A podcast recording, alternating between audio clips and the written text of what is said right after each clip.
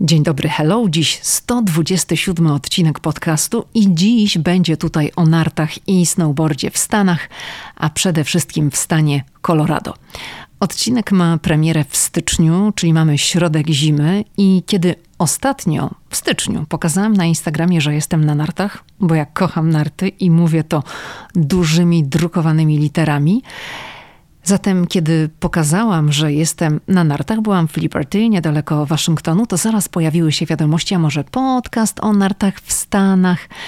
Ten odcinek był w planach od dawna, ale chciałam go zrobić w sezonie i teraz jest ten idealny moment. Do rozmowy zaprosiłam Natalię Ligenzę, która jest copywriterką, trenerką biegania i psychodietetyczką. Natalia prowadzi też podcast Szybka i Wolna. W tym podcaście są treści dotyczące biegania. My o bieganiu w podcaście nie rozmawiamy. My skupiamy się na szusowaniu po amerykańskich stokach z naciskiem na stoki w stanie Colorado, ponieważ to są tereny, po których Natalia poruszała się w ostatnich czterech latach. Dlaczego mówię w czasie przeszłym. A to wszystko wyjaśni się w odcinku już za chwilę. Zanim zaczniemy, chciałabym jeszcze przypomnieć, że również Spotify, tu zwracam się do tych wszystkich osób, które słuchają podcastu korzystając z aplikacji Spotify, że Spotify umożliwia teraz wystawianie oceny podcastu. Więc jeśli lubisz mój podcast, to proszę przyznaj mi tam gwiazdki. I oczywiście nadal można przyznawać gwiazdki i pisać recenzje w Apple Podcast. Także jak zawsze dziękuję za te wszystkie miłe słowa, które do tej pory się pojawiły. Okej, okay, to zaczynamy. Hej! Tu Lidia Krawczuk, dziewczyna ze Szczecina, która wylądowała w Waszyngtonie. Ameryka mnie fascynuje, żyję w niej od ponad dekady i cały czas ją odkrywam. Podróż do Stanów Zjednoczonych była zawsze moim marzeniem. Nie sądziłam jednak, że w Ameryce kiedyś zamieszkam. Jeśli Ciebie, tak jak mnie, ciekawią Stany i chcesz wiedzieć o nich więcej, to jesteś we właściwym miejscu. Opowiadam tu o Ameryce, o życiu w Stanach i o tym wszystkim, co odkrywam podczas mojej amerykańskiej przygody. Zapraszam na podcast Ameryka i ja. Zaczynamy.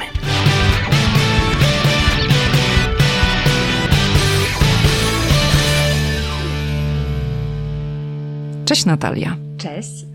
Będziemy dziś rozmawiać o nartach i snowboardzie w Stanach i w dużej mierze o nartach i snowboardzie w Colorado, w którym ty spędziłaś ostatnie cztery lata życia.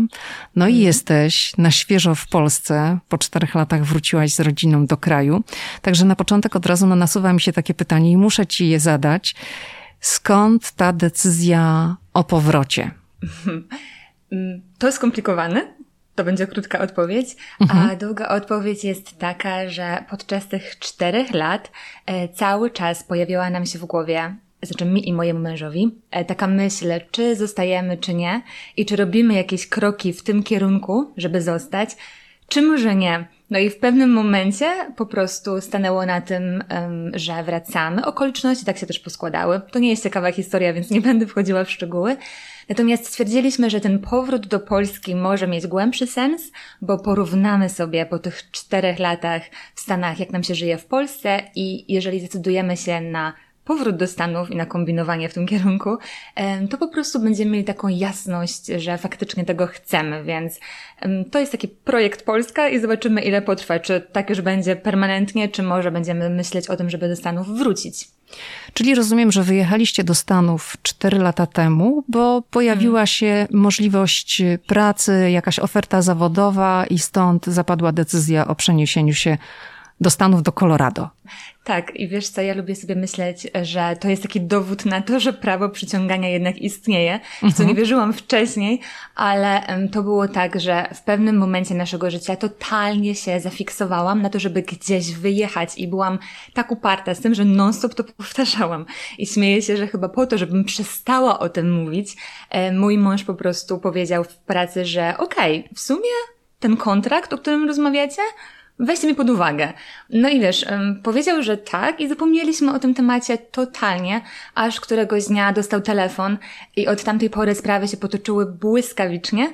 E, dosłownie dwa tygodnie później podpisał już ten kontrakt i trzy miesiące później e, byliśmy już w Stanach, także na wariata sprzedawaliśmy niektóre rzeczy, organizowaliśmy sobie to wszystko tam na miejscu. Nałożyła się na to jeszcze ciąża, bo się okazało znowu dwa tygodnie później, że jestem w ciąży z bliźniakami, więc mieliśmy tak gorący okres w naszym życiu, że ja w ogóle nie wiedziałam, co się dzieje. Byłam no. totalnie nakręcona. Wszystko naraz. A powiesz, Natalia, mm, w jakiej branży jest twój mąż? Czy to jest jakaś tajemnica? E, nie jest. Pewnie nie będzie zaskoczenia, że IT. Mhm, tak myślałam.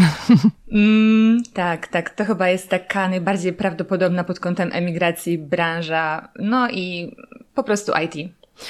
Dobrze, Natalia, tak. to teraz już skupmy się na tym wątku snowboardowo-narciarskim, bo no ja wiem, że ty jesteś team snowboard, tak? A ty? Ja jestem team narty, oczywiście. Oczywiście. Oczywiście. To złośliwość na końcu. Powiem ci tak, że bardzo wiele razy, bo już na nartach to no jeżdżę dosyć długo i mm. były takie momenty, kiedy Zwłaszcza jak na przykład na wyciągu sobie siedziałam, no wiadomo, na tym wyciągu się jedzie, jedzie, człowiek się tak rozgląda, patrzy na innych ludzi, jak jeżdżą, jedni sobie fajnie radzą, drudzy tam mniej fajnie, no tak wiesz, obserwuje się rzeczywistość. No i zawsze gdzieś tam te osoby na deskach w jakiś sposób mnie ciekawiły, fascynowały, chociaż nie lubię bardzo ze snowboardzistami jeździć na wyciągu.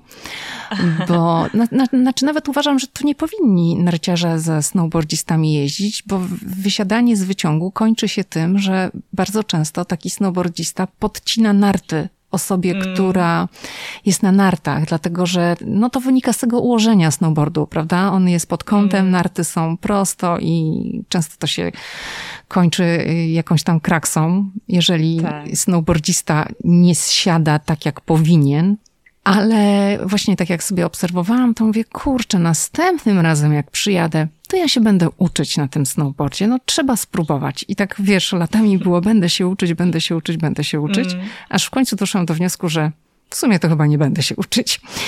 Może dlatego, że trochę jest mi szkoda czasu, bo gdybym mieszkała w takim Colorado jak ty i miałabym tych wyciągów po kokardę, wiesz, dużo, mm. wiele miesięcy w roku, to mogłabym sobie, nazwijmy to tak, zmarnować ten czas na naukę. Ale ja nie mieszkam w takim rejonie. Tutaj w okolicach Waszyngtonu z tym śniegiem bywa różnie. Jak śnieg spadnie, ja co ja będę w ogóle traciła czas na jakiś, na jakąś naukę, na snowboardzie, to ja wolę na nartach pojeździć. Mm. To ty rozumiem, że od samego początku był snowboard, tak? Nie, ja jeździłam wiele, wiele lat na nartach. O. Czy może nie jakoś, nie od dzieciństwa. Ja nie jestem tym typem dziecka, które e, od, nie wiem, pięciu, sześciu lat, w sensie od piątego, szóstego roku życia jeździło, czy tam nawet wcześniej. Nie, ale wiesz co, jakoś w liceum. E, śmieszne jest to, że ja pochodzę ze Śląska, więc naprawdę miałam blisko w góry, ale jakoś moja rodzina nigdy nie jeździła, więc, um, więc długo, długo nie jeździłam też. I potem jakoś w liceum chłopaki z klasy jeździli i mnie wkręcili i wtedy były narty i tak parę lat jeździłam na nartach, a potem jak przeskoczyłam na deskę, to już tak zostało. Ale wiesz co, dosłownie w tym roku, niestety nie powiem Ci jeszcze jakie są moje wrażenia, bo to jest świeży projekt, ale w tym roku e, kupiłam sobie splitboard i to jest taka super alternatywa. Może dla Ciebie właśnie, w mm -hmm. perspektywie czasu. Wiesz co to jest?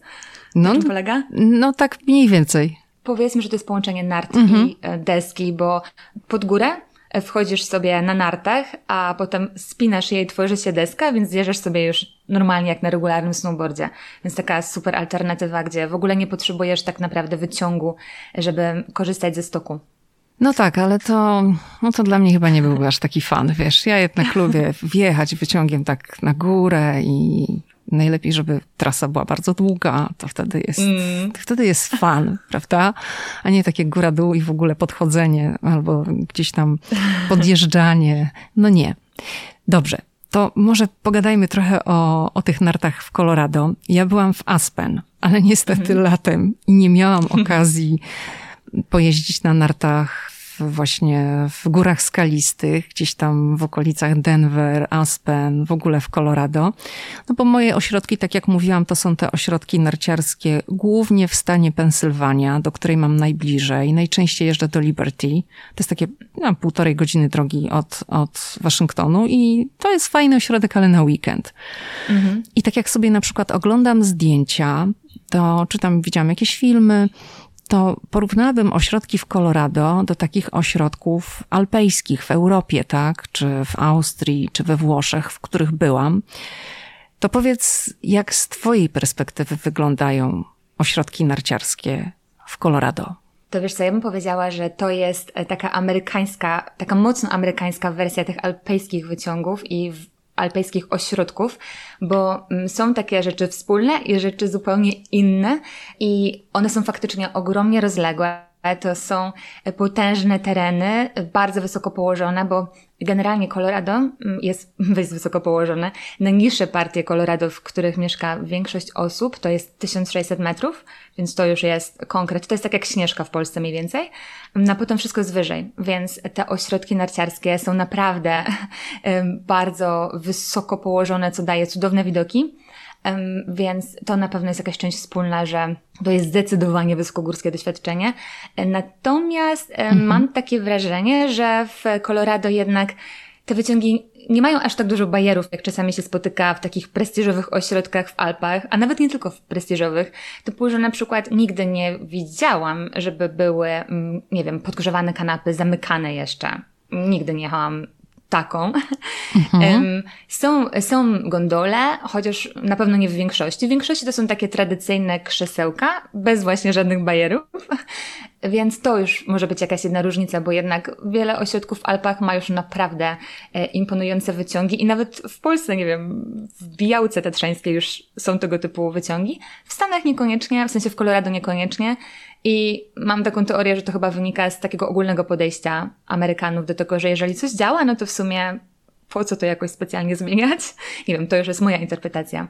Natomiast to na pewno, no jedzenie ciężko porównać, bo jednak jedzenie w Colorado przy tych wszystkich resortach jest typowo amerykańskie z małymi wyjątkami. Mhm. Natomiast zdecydowanie jest to cudowne doświadczenie, e, głównie pod kątem warunków, takich specyficznych warunków, które w Colorado panują i myślę, że to jest najważniejsze, e, kiedy rozmawiamy właśnie o, o nartach w tym miejscu. To o warunkach sobie za chwilę porozmawiamy. Chciałam jeszcze nawiązać do tych wyciągów, bo powiem Ci, że jestem bardzo mhm. zaskoczona tym, co mówisz, ponieważ ja myślałam, że właśnie dlatego, że sama jeżdżę do takiego ośrodka, głównie to Liberty jest dla mnie najbliższe, ale byłam jeszcze w, w kilku innych, które są w stanie Pensylwania. I miałam takie wrażenie, mówię, kurczę, te kanapy to są w ogóle jakieś takie, jak z epoki troszeczkę, jak sobie porównywałam do tego, co widziałam właśnie w Alpach, czy w Austrii, czy we Włoszech, mm. czy nawet w Czechach, bo też w Czechach jeździłam na nartach i w Polsce to ten standard, ta jakość wyciągów była o wiele lepsza. Szybkie wyciągi, mm. takie ekspresowe. Dla mnie jedną z naj gorszych rzeczy tutaj, jeżeli chodzi o wyciągi w Stanach, mówię o tych wyciągach, z którymi ja miałam do czynienia, jest to, mhm. że nie ma tego drążka na nogi. Czyli nie możesz ustawić, znaczy jak, jak jedziesz wyciągiem, to nie możesz sobie oprzeć nóg na drążku Aha. i nogi ci odpoczywają, tylko ci cały czas wiszą. Nie wiem, jak, czy w Colorado mm. też tak jest. Nie, nie, to, to są, są. Dosłownie parę razy zdarzyło mi się jechać na takich pomniejszych, wiesz, takich króciutkich, mhm. gdzie faktycznie nie było tego drążka, o którym mówisz, ale zazwyczaj jest, także dobra wiadomość. O, Natomiast to, co jest specyficzne, wydaje mi się, że dla Colorado, ale w sumie nie wiem, bo ja zaznaczę, że nie jeździłam w żadnym innym stanie, to to, że powiem, że powiedziałabym, że w 90% nie zamyka się wyciągu, czyli nie zamyka się barierki, która na początku jest nad Twoją głową, i ludzie jadą po prostu jakby bez niej. Ona sobie zostaje u góry i to się dzieje nawet, kiedy ludzie jadą z dziećmi. Bardzo, bardzo często nie zamykają wtedy. No to to jest dla mnie w ogóle... Ja się z tym nie spotkałam tutaj, wiesz, na wschodnim wybrzeżu, mm. tak jak my tutaj jeździmy. No to zawsze każdy zamyka. Zresztą przy wsiadaniu to stoi człowiek zazwyczaj z boku, no bo jeżeli ktoś mm. się mhm. przewróci albo coś się tam dzieje, no to trzeba zatrzymać wyciąg. To zawsze taka osoba jest i oni tam też jakby tak no, czuwają nad tym, żeby zamykać ten mm. drążek. No nie wyobrażam sobie tego. To tutaj się tak raczej z tym nie spotkałam. Może no tam czasem coś pojedynczą, ale, ale, ale, ale nie, raczej nie. Aha. To powiem Ci jeszcze, to, to jest historia, którą opowiedziała moja koleżanka, która mieszkała w Colorado. E, ona też właśnie miała tą samą obserwację. Zresztą po prostu tak jest, z jakiegoś powodu. Nie mam pojęcia z jakiego. Natomiast mówiła mi, że kiedyś jechała na wyciągu z takim starszym panem, który takim grzecznym głosem powiedział, że on przeprasza, ale chciałby to zamknąć i czy jej to nie przeszkadza, bo on już kiedyś z tego spadł. I czy moglibyśmy jednak, wiesz? No, no to jest rzeczywiście zaskakujące dla mnie, zwłaszcza, że przecież rozmawiamy o Stanach Zjednoczonych. I teraz tak, jeżeli właśnie wydarzyłby się taki wypadek, że ktoś spada z wyciągu i powodem jest również to, że no nie zamknął tego, nie wiem, czy to można tak powiedzieć, że się nie zamyka drążka. Tylko nie wiem, jak to, jak to się nazywa oficjalnie, szczerze mówiąc. No dobrze, to w takim razie y, zostawmy to wiadomo o co chodzi, że ktoś tego nie zamknął i spadł i miał wypadek z tego powodu, to zaraz by były jakieś problemy z ubezpieczeniem, kto za to płaci, że to przecież jest twoja wina, tak, bo nie zadbałaś o swoje bezpieczeństwo, bo miałaś no. narzędzie do tego. No to to mnie trochę dziwi, że w Colorado jest taka wolna Amerykanka pod tym względem. Naprawdę. Jest, jest. Dobrze, czyli rozumiem, że wyciągi są, mm, no są lepsze niż tutaj na wschodnim wybrzeżu, ale też nie ma tych, tych bajerów, tak? Czyli podgrzewane mm. kanapy, ja to się też nigdy nie spotkałam. Przecież też pamiętam z tych ośrodków w Austrii we Włoszech, to są takie jakby nie wiem jak to się mówi, budka taka sobie zasłaniasz, tak, żeby na przykład jak śnieg pada, no to możesz taką mm -hmm. sobie zasłonkę z pleksji, tak żeby nie padało, to w Colorado są takie, czy to też już nie ten standard? Nigdy na takim nie jechałam. Może są w jakichś ośrodkach, w których ja nie byłam. Jestem sobie w stanie to wyobrazić, chociaż jak oglądałam sobie często jakieś tam zdjęcia i tak dalej, to nigdy nie zwróciłam to uwagi, szczerze mówiąc, ale będę ostrożna z mówieniem, że nigdzie nie ma. -hmm. Natomiast jeździłam w wielu miejscach i nigdy się z tym nie spotkałam. Nie spotkałaś. -hmm. Nie. Gondole tak, no to wtedy powiedzmy, że to jest forma budki, ale. No tak, to, ale to wsiadasz mówisz... do gondoli, tak? A tu jak, tak, tak. jak masz właśnie -mm. Śnieg, no to możesz się zakryć i ci nie pada na głowę, tak? Czy jak jest wiatr, no to to jest bardzo -hmm. fajne. Dobrze, to trochę sobie tak ponarzekałyśmy po polsku na amerykańskie standardy. To teraz porozmawiajmy o samych trasach, bo powiedziałaś, że warunki są wspaniałe. To -hmm. co przez to rozumiesz? Mm, po pierwsze to, że mm, Colorado jest bardzo śnieżnym stanem i cudownie śnieżnym stanem i to jest zdecydowanie coś, co kocham w tym właśnie stanie. E, I on, jak to mówią Amerykanie, dostaje po prostu ogromne ilości śniegu e, i często jak pogląda się różne mm, raporty, to właśnie Colorado jest albo pierwsze, albo zupełnie w czołówce, jak chodzi o właśnie ilość śniegu, która tam spada. I działa to tak, że kiedy mieszkasz sobie w Colorado, to masz słońce cały rok. To jest właściwie gwarantowane, że to słońce jest. W pojedyncze dni nie ma. I w okresie od mniej więcej września do marca, e, do maja, do maja, zdarzają się takie burze śnieżne. I wygląda to tak, że nagle spada ci kilkanaście, a czasami nawet kilkadziesiąt centymetrów śniegu hurtem, bardzo szybko. Potrafi się to wydarzyć dosłownie w dwie, trzy godziny, że jesteś zupełnie zasypana po czym przeczyszcza się i wychodzi słońce. I to sprawia, że w górach te warunki są po prostu cudowne, bo na bieżąco dostarczany jest śnieg i sezon w Colorado startuje już często tak w połowie um, paź października, a potrafi się skończyć nawet w lipcu, w zależności od roku. Więc właściwie większość roku można jeździć na cudownie przygotowanych trasach ze sporą ilością śniegu. Więc to jest taki pierwszy element, a poza tym chodzi też o pogodę, bo raz właśnie to słońce, mhm. więc masz te piękne, bezchmurne dni z takim wręcz sztucznie niebieskim niebem. A jaka jest wtedy temperatura? Potrafi być naprawdę zimno, potrafi być e, tak do minus 20 bym powiedziała, ale e, to jest rano. A potem to, że wychodzi słońce, bardzo wpływa na temperaturę taką odczuwalną. Powiedziałabym, że często zimą jest tak minus 5, coś koło tego, minus 10, minus 5, w zależności od miejsca, bo to bardzo zależy na jakiej wysokości jesteś, bo te wysokości w Colorado w miarę jak jedziesz autem się zmieniają bardzo gwałtownie. E, natomiast um, zupełnie inaczej odczuwa się tam temperaturę przez to, że jest się bliżej słońca e, i przez to, um, że jest sucho. I powiem Ci, że teraz, jak przyjechaliśmy do Polski, to już dosłownie, no, z dobre pięć razy usłyszałam komentarz na temat tego, jak ubieram dzieci, a to dlatego, że ja jestem przyzwyczajona że w Colorado ubiera się inaczej, bo to nie jest wcale jakąś rzadkością, że jest 0 stopni, a zobaczysz dziecko w krótkim rękawku. Mhm. Właśnie przez to, że tak to jest, taka jest ta odczuwalna temperatura i to słońce dosłownie czujesz na swojej skórze. Więc jest to bardzo przyjemne połączenie takiego, um, takiej dużej ilości świeżego śniegu plus tego słońca. Chciałam tylko tak jeszcze, wiesz, na marginesie wtrącić, a propos powiedziałeś, że dostałaś te komentarze, jak ubierasz dzieci. A to mm. były komentarze od obcych osób? Tak, oczywiście. Pani. ja nie wiem o co chodzi. Mam wrażenie, że szczególnie starsze panie lubią mm -hmm. komentować tego typu rzeczy. Panowie nie, tylko panie. Nie wiem od czego to zależy, czy to jakiś hormon, czy coś. To jest zaskakujące, prawda? Bo w Ameryce to jest mm. w ogóle nie do pomyślenia, żeby ktoś ci w ogóle zwracał jakąkolwiek uwagę, jak ty ubierasz tak. swoje dziecko. Tak, dokładnie tak. Że nie ma tak. czapeczki, tak? tak? I no mi się mm, też to zdarzyło gdzieś tam w Polsce, że mój syn nie miał czapeczki i jakaś pani tam powiedziała, o czapeczki nie ma. Myślałam, że to już jest przestarzałe, że czapeczka już tylko się pojawia w memach, nie. ale wiesz co, dosłownie dwa dni temu miałam taką kumulację, że w ciągu pięciu minut usłyszałam od trzech różnych pań, więc stwierdziłam, ło, muszę przygotować jakąś kreatywną odpowiedź na to, bo widzę, że to się będzie powtarzać częściej. Mhm. Czy rozumiem, że twoje dzieci bez czapki chodzą w Polsce? Wiesz co, to była kwestia, teraz już nie, bo jest naprawdę ziąb, mhm. jest ziąb.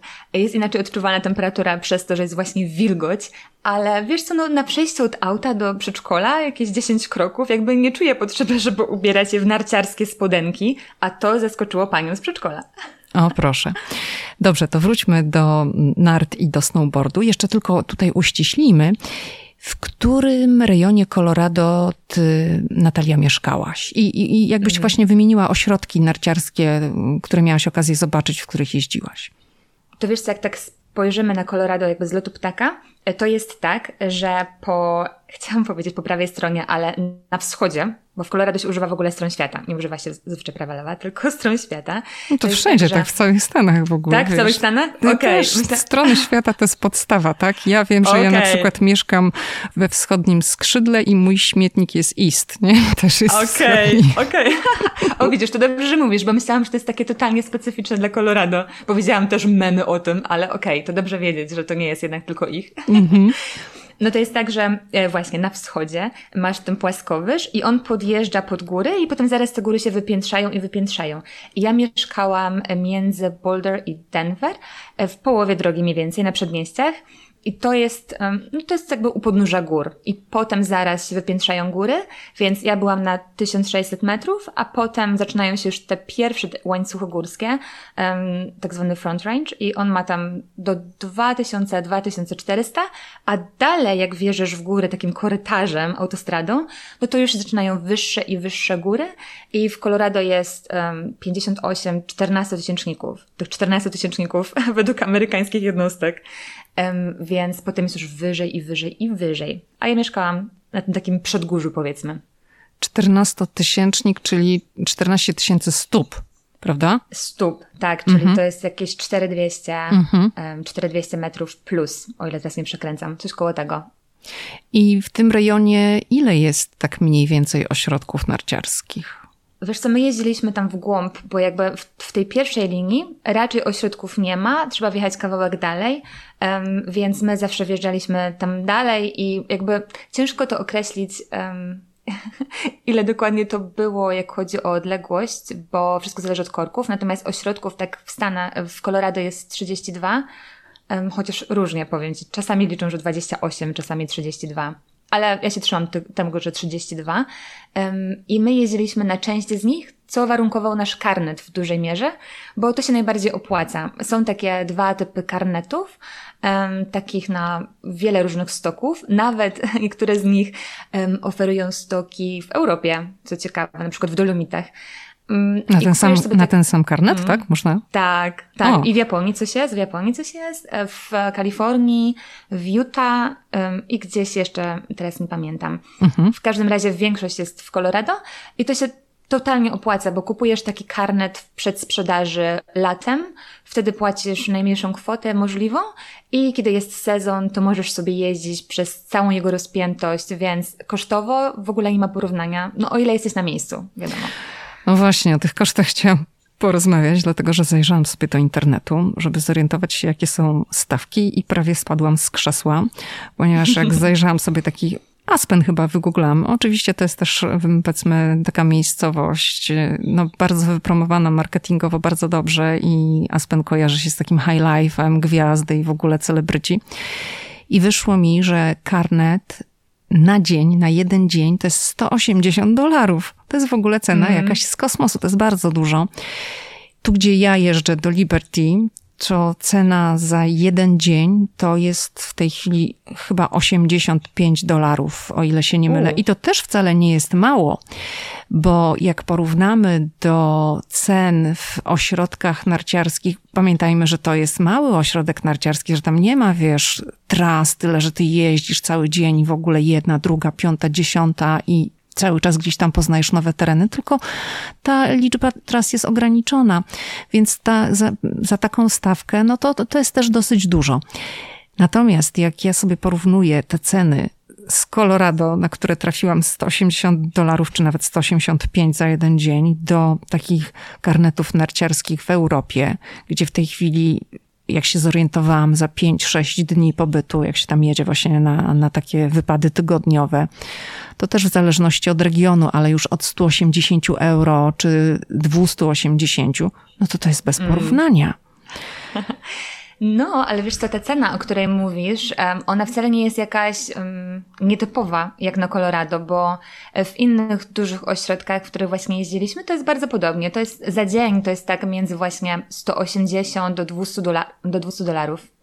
Ale mało kto, znaczy mało kto, pewnie nikt nie płaci takiej kwoty, e, zwłaszcza jeżeli w Colorado mieszka, no, albo jeżeli jest na parę dni, no bo to się w ogóle nie kalkuluje. Mhm. No to powiedz, jeżeli rozumiem, że wy kupowaliście takie karnety na cały sezon, tak? Czyli mogliście mhm. tam przez sezon, taki karnet na sezon to jest na jaki okres czasu? Na cały sezon, czyli jeżeli akurat jest dobry rok i śnieg spadnie już na tyle, jakby tak, na, na tyle dużo spadnie tego śniegu, że mm, sezon otworzy się w połowie października, no to startuje Twój karnet i on będzie aktywny tak długo, jak długo jest aktywny sezon, czyli znowu, jeżeli masz szczęście, to pojedziesz sobie nawet i do końca czerwca. Mm, także bardzo zależy, ale ważne jest to, że on e, Oba te karnety są sprzedawane latem i potem im później, tym szybciej ta cena rośnie i w pewnym momencie ten karnet jest w ogóle ucięty, już go kupić nie można. Czyli na przykład teraz, jak sobie z ciekawości wyszłam na stronę, to w ogóle ta sprzedaż jest nieaktywna i nie możesz go mieć. Także gdyby ktoś się wybierał e, tutaj właśnie na narty na więcej niż dwa dni właściwie, mhm. to już, no może nie dwa, ale na więcej niż cztery dni to już na pewno, to opłaca się zdecydowanie pomyśleć o tym już latem, żeby kupić ten karnet, bo wtedy można sobie zmieniać te ośrodki, a każdy jest inny. E, wszystkie są dosyć blisko siebie, więc można spać w jednym miejscu, a sobie nawet na upartego jeździć między tymi ośrodkami i to wciąż jest do zrobienia, więc warto właśnie w ten sposób to zorganizować. To jakie są koszty wtedy takich karnetów kupionych, no powiedzmy może w przedsprzedaży latem z mhm. dużym wyprzedzeniem? Wiesz, to jest rząd e, wielkości 600-700 dolarów coś koło tego, w zależności od karnetu i od opcji, które wybierzesz, bo możesz wybrać ten karnet w wersji local, a możesz wybrać ten rozszerzony, gdzie masz jeszcze ośrodki w innych stanach i ta Europa, więc to jest to, to, tego typu kwota. No to to jest, wiesz, tak jak sobie porównamy 180 dolarów za dzień, to masz, wiesz, mm. tutaj masz cały sezon, a tu masz trzy dni, jak ktoś przyjedzie tak no. tak z zewnątrz, jak zajrzy sobie do internetu i, i nie wie, że, że można kupić taki karnet latem, no to no rzeczywiście, to jest bardzo, bardzo znacząca cena. I powiedz, tak. czy wy jako rodzina korzystaliście rzeczywiście dużo z takiej jazdy na nartach w ciągu roku? Może nie na nartach, tylko na snowboardzie. U nas jest tak, że jest dwa do jednego. Moja córka i mój mąż jeżdżą na nartach, a ja na desce. I wiesz co? Tak, bo w Colorado jest generalnie tak, że ten stan bardzo warunkuje twój styl życia i przez połowę roku masz do wyboru na weekend głównie, czy idziesz na hike, czy idziesz na rower, e, a w momencie, kiedy wjeżdża ta druga część roku, czyli ta jesienio-zima, no to możesz iść znowu albo na hike w większości roku, albo właśnie na narty, czy tam na deskę, więc e, tak, no co drugi weekend zazwyczaj e, to były narty, a czasami i częściej, w zależności od tego, jak nam się chciało, ale na pewno te karnety się opłacały. Zdecydowanie, zwłaszcza, że ten sezon jest tak długi, więc możesz sobie poczekać nawet do wiosny albo już wręcz lata. I jest tak, że na tym Front Range'u, tam właśnie, gdzie mieszka większość osób, jest już bardzo gorąco, potrafi być już 20 parę, nawet pod 30 stopni, a ty jedziesz sobie w głębi w góry i za chwilę masz śnieg i zupełnie jakby inny świat. Opowiedz, czy ten właśnie taki styl życia, o którym mówisz, to, że żyjesz w Colorado, to no, zaczynasz żyć w pewien sposób, czy te sporty zimowe, ale również letnie, czy one w jakiś sposób łączą ludzi w regionie, że na przykład razem w grupach się organizują i jeżdżą wspólnie, czy jednak każdy sobie gdzieś tam rzepkę skrobie, rodzinnie żyje i, i nie ma takich wyjazdów grupowych? Chyba muszę odpowiedzieć, że to zależy, mhm. bo ja też jakby ta główna część mojego, mojej jazdy przypadła już w okresie pandemicznym, e, bo wcześniej miałam ciążę i malusz, malutkie dzieci, więc miałam przerwę w jeżdżeniu. Natomiast potem pandemia mocno wpłynęła na to, jak ludzie się organizowali, więc szczerze Jasne. mówiąc, mhm. nie jestem pewna, czy aż tak bardzo łączy. Powiedziałabym, że to jest tak naturalne, że narciarstwo jest mocno, mocno wpisane w ten region. Ale wiesz co, jak z ciekawości patrzyłam, to 15% osób tylko deklaruje, że jeździ na czymkolwiek, więc byłam zaskoczona, że tak mało z drugiej strony. 15% Ale... mówisz o tej populacji Colorado, że tylko jeździ? Tak. Tak. Aha, czyli reszta tak. to są goście przyjezdni.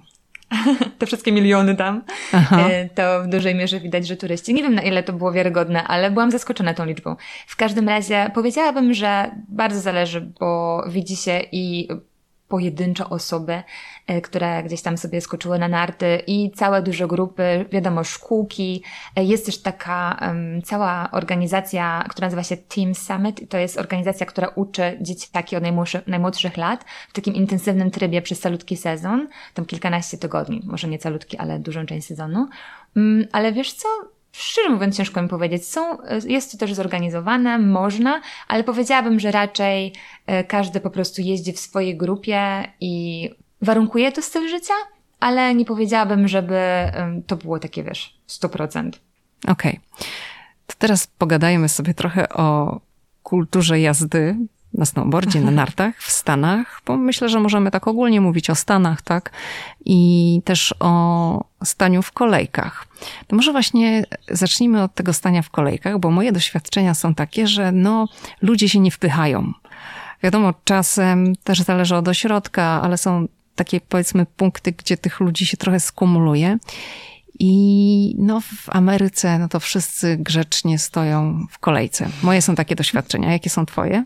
Dokładnie tak. Nie ma jakiegoś tam wpychania się, ani motywu, że ktoś dosłownie wie, że czujesz czyjś oddech na swojej szyi. Mm -hmm. I to nie ma nic wspólnego z pandemią, tak było zawsze, tak? Bo teraz tak, no wiadomo. Tak. Dobrze, to tu jesteśmy zgodne. Jeżeli chodzi o kulturę jazdy, to ja ci powiem, że ja nie widzę tutaj na stokach takich szaleńców, czyli osób, które na przykład jadą. Oczywiście są osoby, które jeżdżą bardzo szybko, ale te osoby nie jeżdżą szybko w tych miejscach, gdzie są narciarze o mniejszych umiejętnościach i uważają. Co moje mhm. doświadczenia, na przykład gdzieś tam w Polsce albo w Czechach, to były różne. Jakie są Twoje? Mhm. Znowu się muszę zgodzić. Czy zgadzam się? Mhm. Tak. I też zastanawiałam się, z czego to wynika. Na pewno to jest takie połączenie. Raz, że Amerykanie zachowują się w konkretny sposób i zazwyczaj trzymają dystans, bo nawet jak się wejdzie do sklepu, to pewnie masz tak samo, że mimo, że ktoś jest dosyć daleko od ciebie, to już usłyszysz excuse me, mimo, że w Polsce ten dystans zwyczaj, mhm. zazwyczaj jest o wiele, wiele mniejszy. Więc to pewnie ma znaczenie. To, że jest um, większy teren też pewnie ma znaczenie, no ale też taka kultura więc, więc to tak. Ja też nie spotykam za dużo szaleńców. Nie kojarzę, czy w ogóle widziałam jakąś taką akcję, szczerze mówiąc. I też, wiesz co, mam wrażenie, że dosyć rzadko widziałam jakieś takie akcje ratunkowe, czy też słyszałam jakieś akcje, typu, że wiesz, że gdzieś helikopter, że gdzieś ten patrol, ten ski patrol, jakoś nie. Mhm. Więc um, faktycznie tych wypadków zdaje się być relatywnie mało. A wiesz co, jeszcze jak powiedziałaś o tych kolejkach, to nie wiem, czy też to macie, ale u nas w wielu miejscach jest jakby osobna kolejka dla singli. Czyli jeżeli nie jesteś akurat z nikim, nie jesteś z ekipą, to wchodzisz w osobną kolejkę i po prostu, wiesz, doczepiasz się do kogoś tak, jest przed pandemią. Coś, jest, jest coś takiego również i to obowiązuje również teraz, w tej chwili, aczkolwiek no różnie z tym bywa, bo nie każdy na przykład ma ochotę jechać z obcą osobą i jeżeli powiesz, że nie chcesz, to tam nikt cię nie zmusza, ale mm. dalej ta kolejka taka dla osób, które jeżdżą sobie właśnie w pojedynkę, to, to jest. Ja myślałam, że to wszędzie tak jest, że jest taka. To nie ma w Europie tak? A może już nie, nie, pamiętam. Znaczy ja nie kojarzę, ale też w sumie, wiesz co, nie żebym jakoś super zjeździła całą Europę, mhm. więc, więc nie wiem, to może twoi słuchacze powiedzą. Dobrze. To kolejna rzecz, jaka mi się nasuwa, to handel karnetami. Czy ty widziałaś kiedykolwiek w Stanach, żeby ktoś handlował karnetami przy kasach? U, totalnie nie. No ja nie? też nie widziałam. Oczywiście, że też nie widziałam. Pytam dlatego, że ja pamiętam, że taki handel odbywał się bardzo często w Polsce. Nie wiem, czy dalej się odbywa. Tu od razu zaznaczam, że, że nie wiem. Pamiętam, że w Czechach coś takiego było, że na przykład, nie wiem, mhm. ktoś sobie kupił karnet na cały dzień, pojeździł tam trzy godziny i już mu się znudziło, już mu się nie chciało.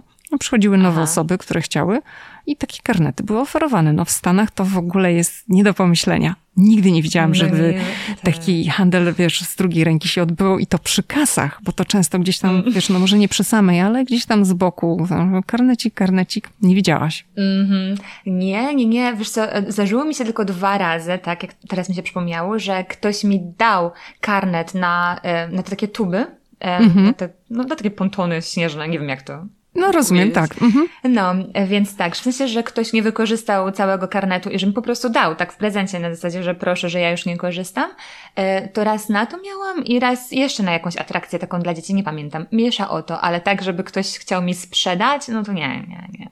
No dać to, a sprzedać to, to wiesz, zasadnicza różnica, prawda? Prawda. No, ale ja też nie wiem, czy dalej ten handel się odbywa, ale kiedyś on się odbywał.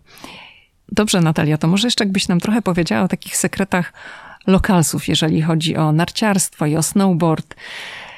Takie rzeczy, o których przyjezdni nie mają pojęcia. No powiedziałaś o tych karnetach, które trzeba kupować z dużym wyprzedzeniem, najlepiej latem, bo jest wtedy zupełnie inna cena. To co jeszcze? Mhm. Hmm, wiesz co, może nie tyle sekrety, co takie e, wskazówki, o których często zapominają osoby z zewnątrz, czyli na przykład to, żeby koniecznie mieć różne szkiełka do gogli ze sobą, bo to jest kluczowe, jaka jest pogoda I, i w momencie, kiedy tych szkiełek ze sobą nie weźmiemy, no to nici z jazdy, a tak jak mówię, tutaj są takie czasami bardzo skrajne warunki, więc to mieć trzeba. Po drugie, to, że w Colorado można się nabawić choroby wysokościowej, jeżeli się przyjeżdża z zewnątrz, o czym też wiele osób nie pamięta. E, są tutaj nawet takie oxygen bary, że idziesz po prostu do takiego baru, baru, gdzie wdychasz trochę tlenu, mhm. żeby mieć, żeby, żeby mieć ekstra zapas. Można kupić tlen w sprayu, no to ciekawe. Wygląda jak taki, mhm. tak, wygląda jak taki dezodorant. Ale do tego baru to można tak bezpłatnie wejść, czy trzeba tam coś zamówić i wiesz tam... Coś tam Czy płacisz. się kupuje ten tlen tam? Jak, jak to wygląda? coś tam płacisz, mhm. ale nigdy w sumie w takim nie byłam, bo kiedy, jakby potem się już adaptujesz, więc ja już tego mhm. nie miałam, ale jeżeli przyjeżdża się z zewnątrz, z takiego dosyć płaskiego albo nisko położonego stanu, czy tam z Europy, e, prosto do Colorado, to można sobie po prostu zepsuć pobyt, e, nie pamiętając właśnie o tym, że jest się na dużej wysokości, więc koniecznie e, po pierwsze trzeba właśnie albo z tego skorzystać, albo się zaadaptować i nie porywać się od razu na najwyższe szczyty, po drugie, mega ważne jest, żeby pić dużo wody i to już jest takie nudne, oni cały czas stay hydrated, stay hydrated, ale to ma bardzo duże znaczenie, bo jako jeżeli jest sucho, to może ci się wydawać, że luz, że ty nie potrzebujesz mhm. pić, a potem nagle wjeżdża ból głowy i cię odcina. Tak, tak bardzo źle się czujesz. Więc koniecznie trzeba mieć ze sobą coś do picia i mieszkańcy Colorado y, zawsze wiedzą, że muszą mieć jakiś plecaczek albo robić sobie water breaks i zjeżdżać na dół i pić z dystrybutora, czy tam sobie coś kupić żeby po prostu się nie odwodnić. No i też oczywiście koniecznie, koniecznie um, sunscreen, bo inaczej źle to się skończy, bo tam słońce jest tak prawie o 50% mocniejsze, nawet jak jest za chmurami, więc można się kompletnie spalić, znowu tego tak naprawdę nie czując. Um, I jeszcze takie, um, takie, w sumie to nawet nie są już jakieś super sekrety, tylko takie charakterystyczne e, rzeczy dla takiego górskiego stanu, e, to slang, e, że masz powder days i są też firmy, które dają wolne z okazji tego, że jest Powder Day. To jest dzień, kiedy spadnie dużo puchu mhm. um, i wtedy trzeba bardzo wcześnie wstać. Tak naprawdę bardzo, bardzo wcześnie wstać, bo prawdopodobnie w tym samym czasie wiele innych osób bardzo wcześnie wstaje. E, najlepiej spakować już wszystko dzień wcześniej, odśnieżyć co się da i jechać w góry. Um, jest też w ogóle takie przysłowie no friends on a powder day, na zasadzie, że sorry, ale mhm. y, śnieg jest priorytetem, jakby z przymrużeniem oka, ale, ale takie coś funkcjonuje. Um, I wszystkie takie hasła wokół tego, na przykład pał pał, to to też jest właśnie to. Um, pał pał? I jeżeli na przykład pał pał, to też jest właśnie powder. Um, I są, y, jest, aha, bo są Powder Days, są jeszcze Bluebird Days, czyli dni, kiedy właśnie masz to takie piękne, totalnie niebieskie niebo, więc gdyby kiedyś ktoś był na nartach i usłyszał rano od kogoś, że jest Bluebird Day, to znaczy, że jest dobrze i że jest właśnie to przepiękne, bezchmurne niebo i będzie dobra jazda. Jeszcze ze slangu mm, jest takie słówko nar, znaczy, że coś jest niebezpieczne, ale mega, wiesz, fajne, nie używając mocniejszych słów. Mhm. Też takie typowo, nie wiem czy tutejsze, ale takie typowo narciarsko-snowboardowe chyba nawet. Um, chyba nawet bardziej. I chyba tyle mi teraz przychodzi do głowy, szczerze mówiąc. A chciałam zapytać o ten Powder Day, bo powiedziałaś, że to w niektórych firmach wolne jest nawet, tak? Tak. Twój mąż miewał wolne jest. dni? On sobie robił sam i e, też znowu, nie wiem dlaczego tak dużo mówię o memach w tej rozmowie z tobą, ale mhm. też są memy o Colorado stricte, gdzie um, dzwonisz do szefa i mówisz, że e, jesteś chory, a twój szef mówi, że nie szkodzi, bo on też jest chory, po czym wiesz, masz napis, że, że spadło tyle i tyle e, inczów śniegu i tak naprawdę w domyśle obaj jadą w góry. I potem obaj mój... spotkali się na stoku, nie? to może być ciąg dalszy. Więc to jest, znaczy generalnie Powder Day jest takie małe święto, a właśnie ten śnieg pada tak falami. To nie jest tak, że spadnie taka cieniutka warstwa, jak tutaj widzę czasami w Polsce teraz, tylko jest szturm, właśnie pełno tego puchu, więc mocne ciśnienie, żeby, żeby jechać. I też wielu mieszkańców Colorado ma po parę sztuk sprzętu. Nie wiem jak z nartami, ale snowboarderzy regularnie mają nie jedną deskę, tylko dwie albo trzy. A ty ile miałaś? Właśnie jedna jest stricte na pół. E, ja miałam większość czasu jedną. Pod koniec kupiłam właśnie tego splita, ale jeszcze na nim nie jeździłam i czekam aż przypłynie do mnie.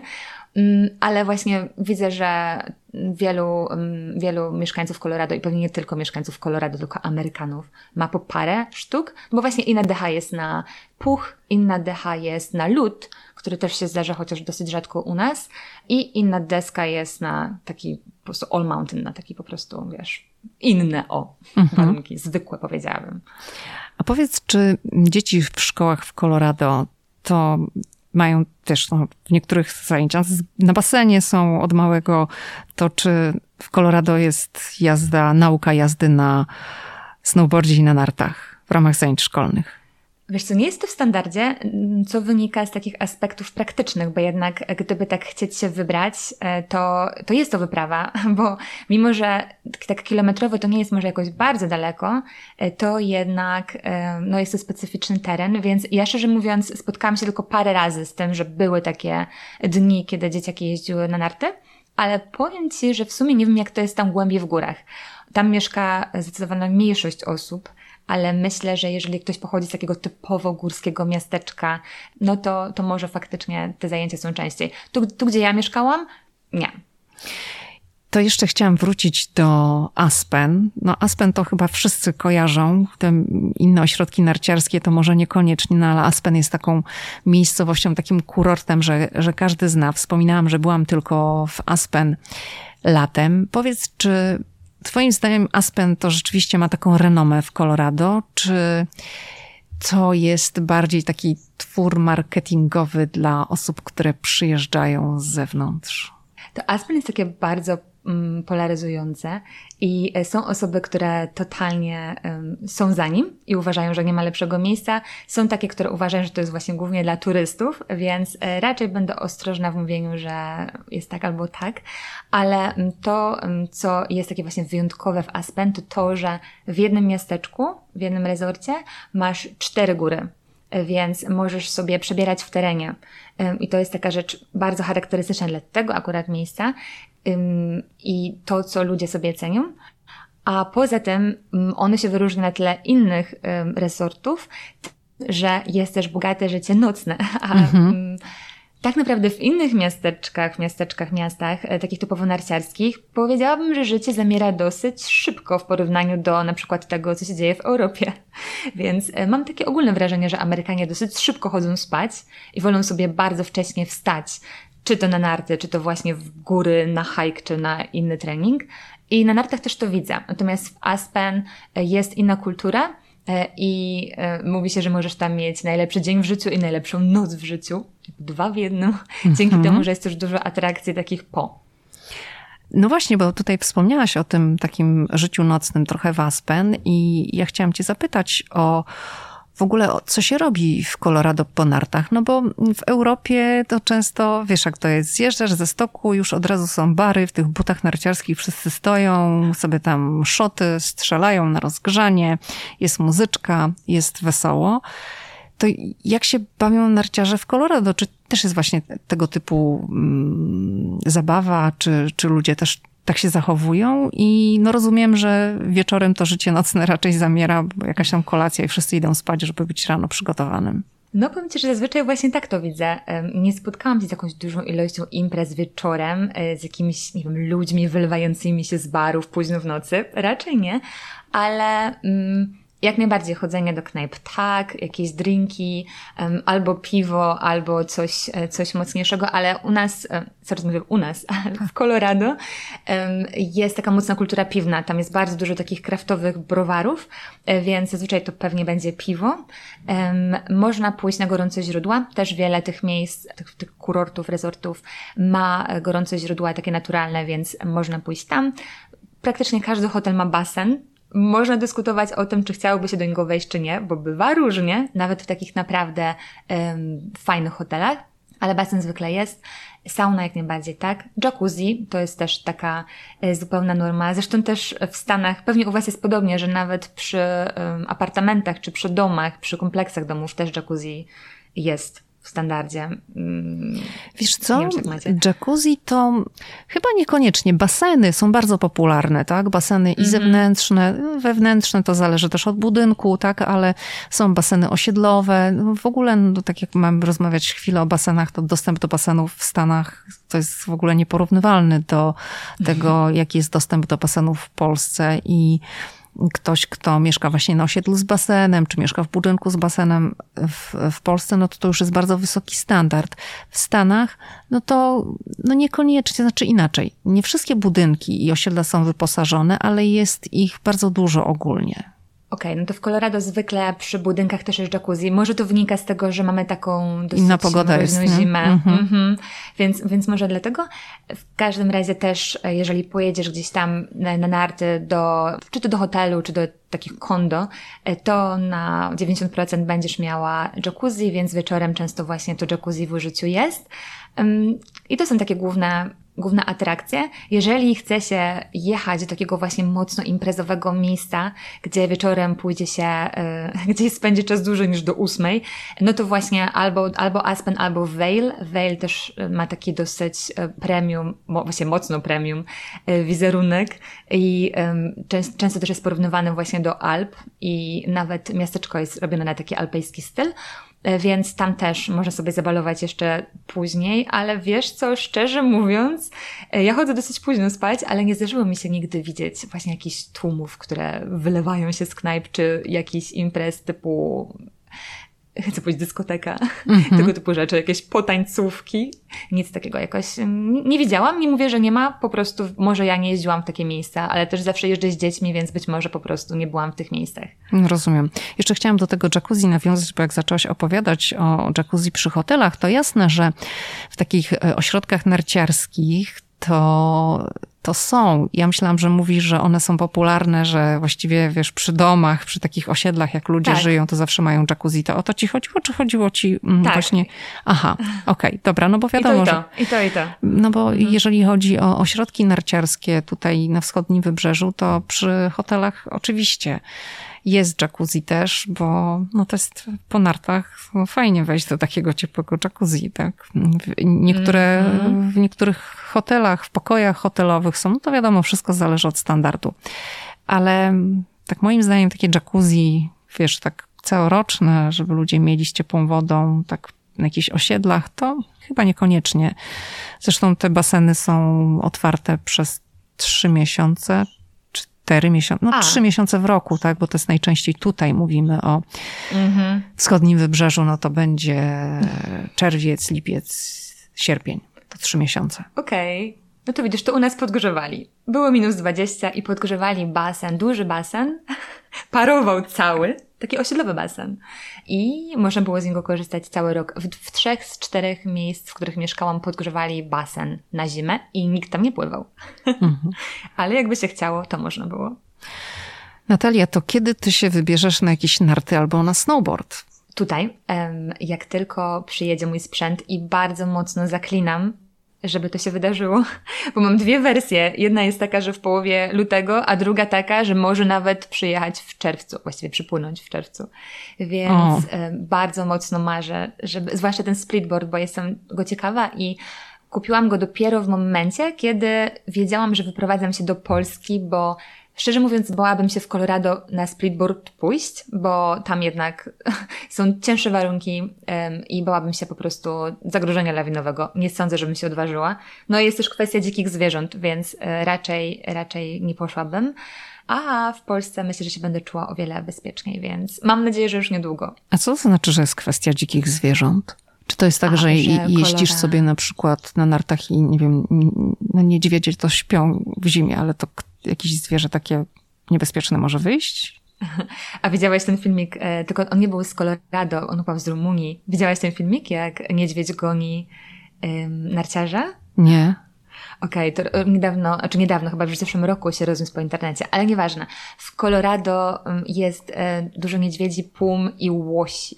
E, I dosłownie parę dni temu dwa łosie wyszły na stok. No łosie nie są niebezpieczne dla ludzi, ale wyszły tak po prostu centralnie na stok, gdzie jeździli narciarze, więc, więc zdarza się. I wiesz co, dosłownie też jakoś parę dni temu była akcja, że Puma weszła, tylko że nie weszła na stok, tylko weszła do hotelu, takiego przy, przy stoku, o, normalnie matko, do lobby. To jeszcze gorzej chyba. Mhm. E, nie była agresywna, weszła, położyła się na dywanie.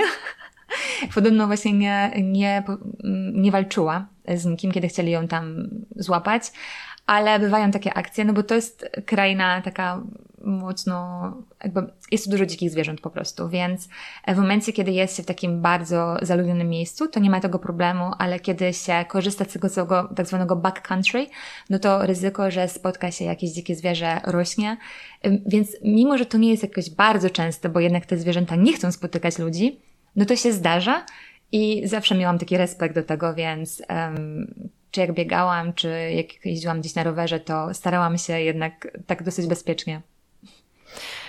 Natalia, to tak na koniec. Kiedy najbliższe narty w Colorado? A, przepraszam, snowboard. Chcę to wiedzieć. Jeżeli umiesz przepowiadać przyszłość, to mi powiedz. Chciałabym powiedzieć, y, może jeszcze w tym sezonie, ale w tym sezonie to raczej, mm, może w tym sezonie, może w tym roku, o, tak.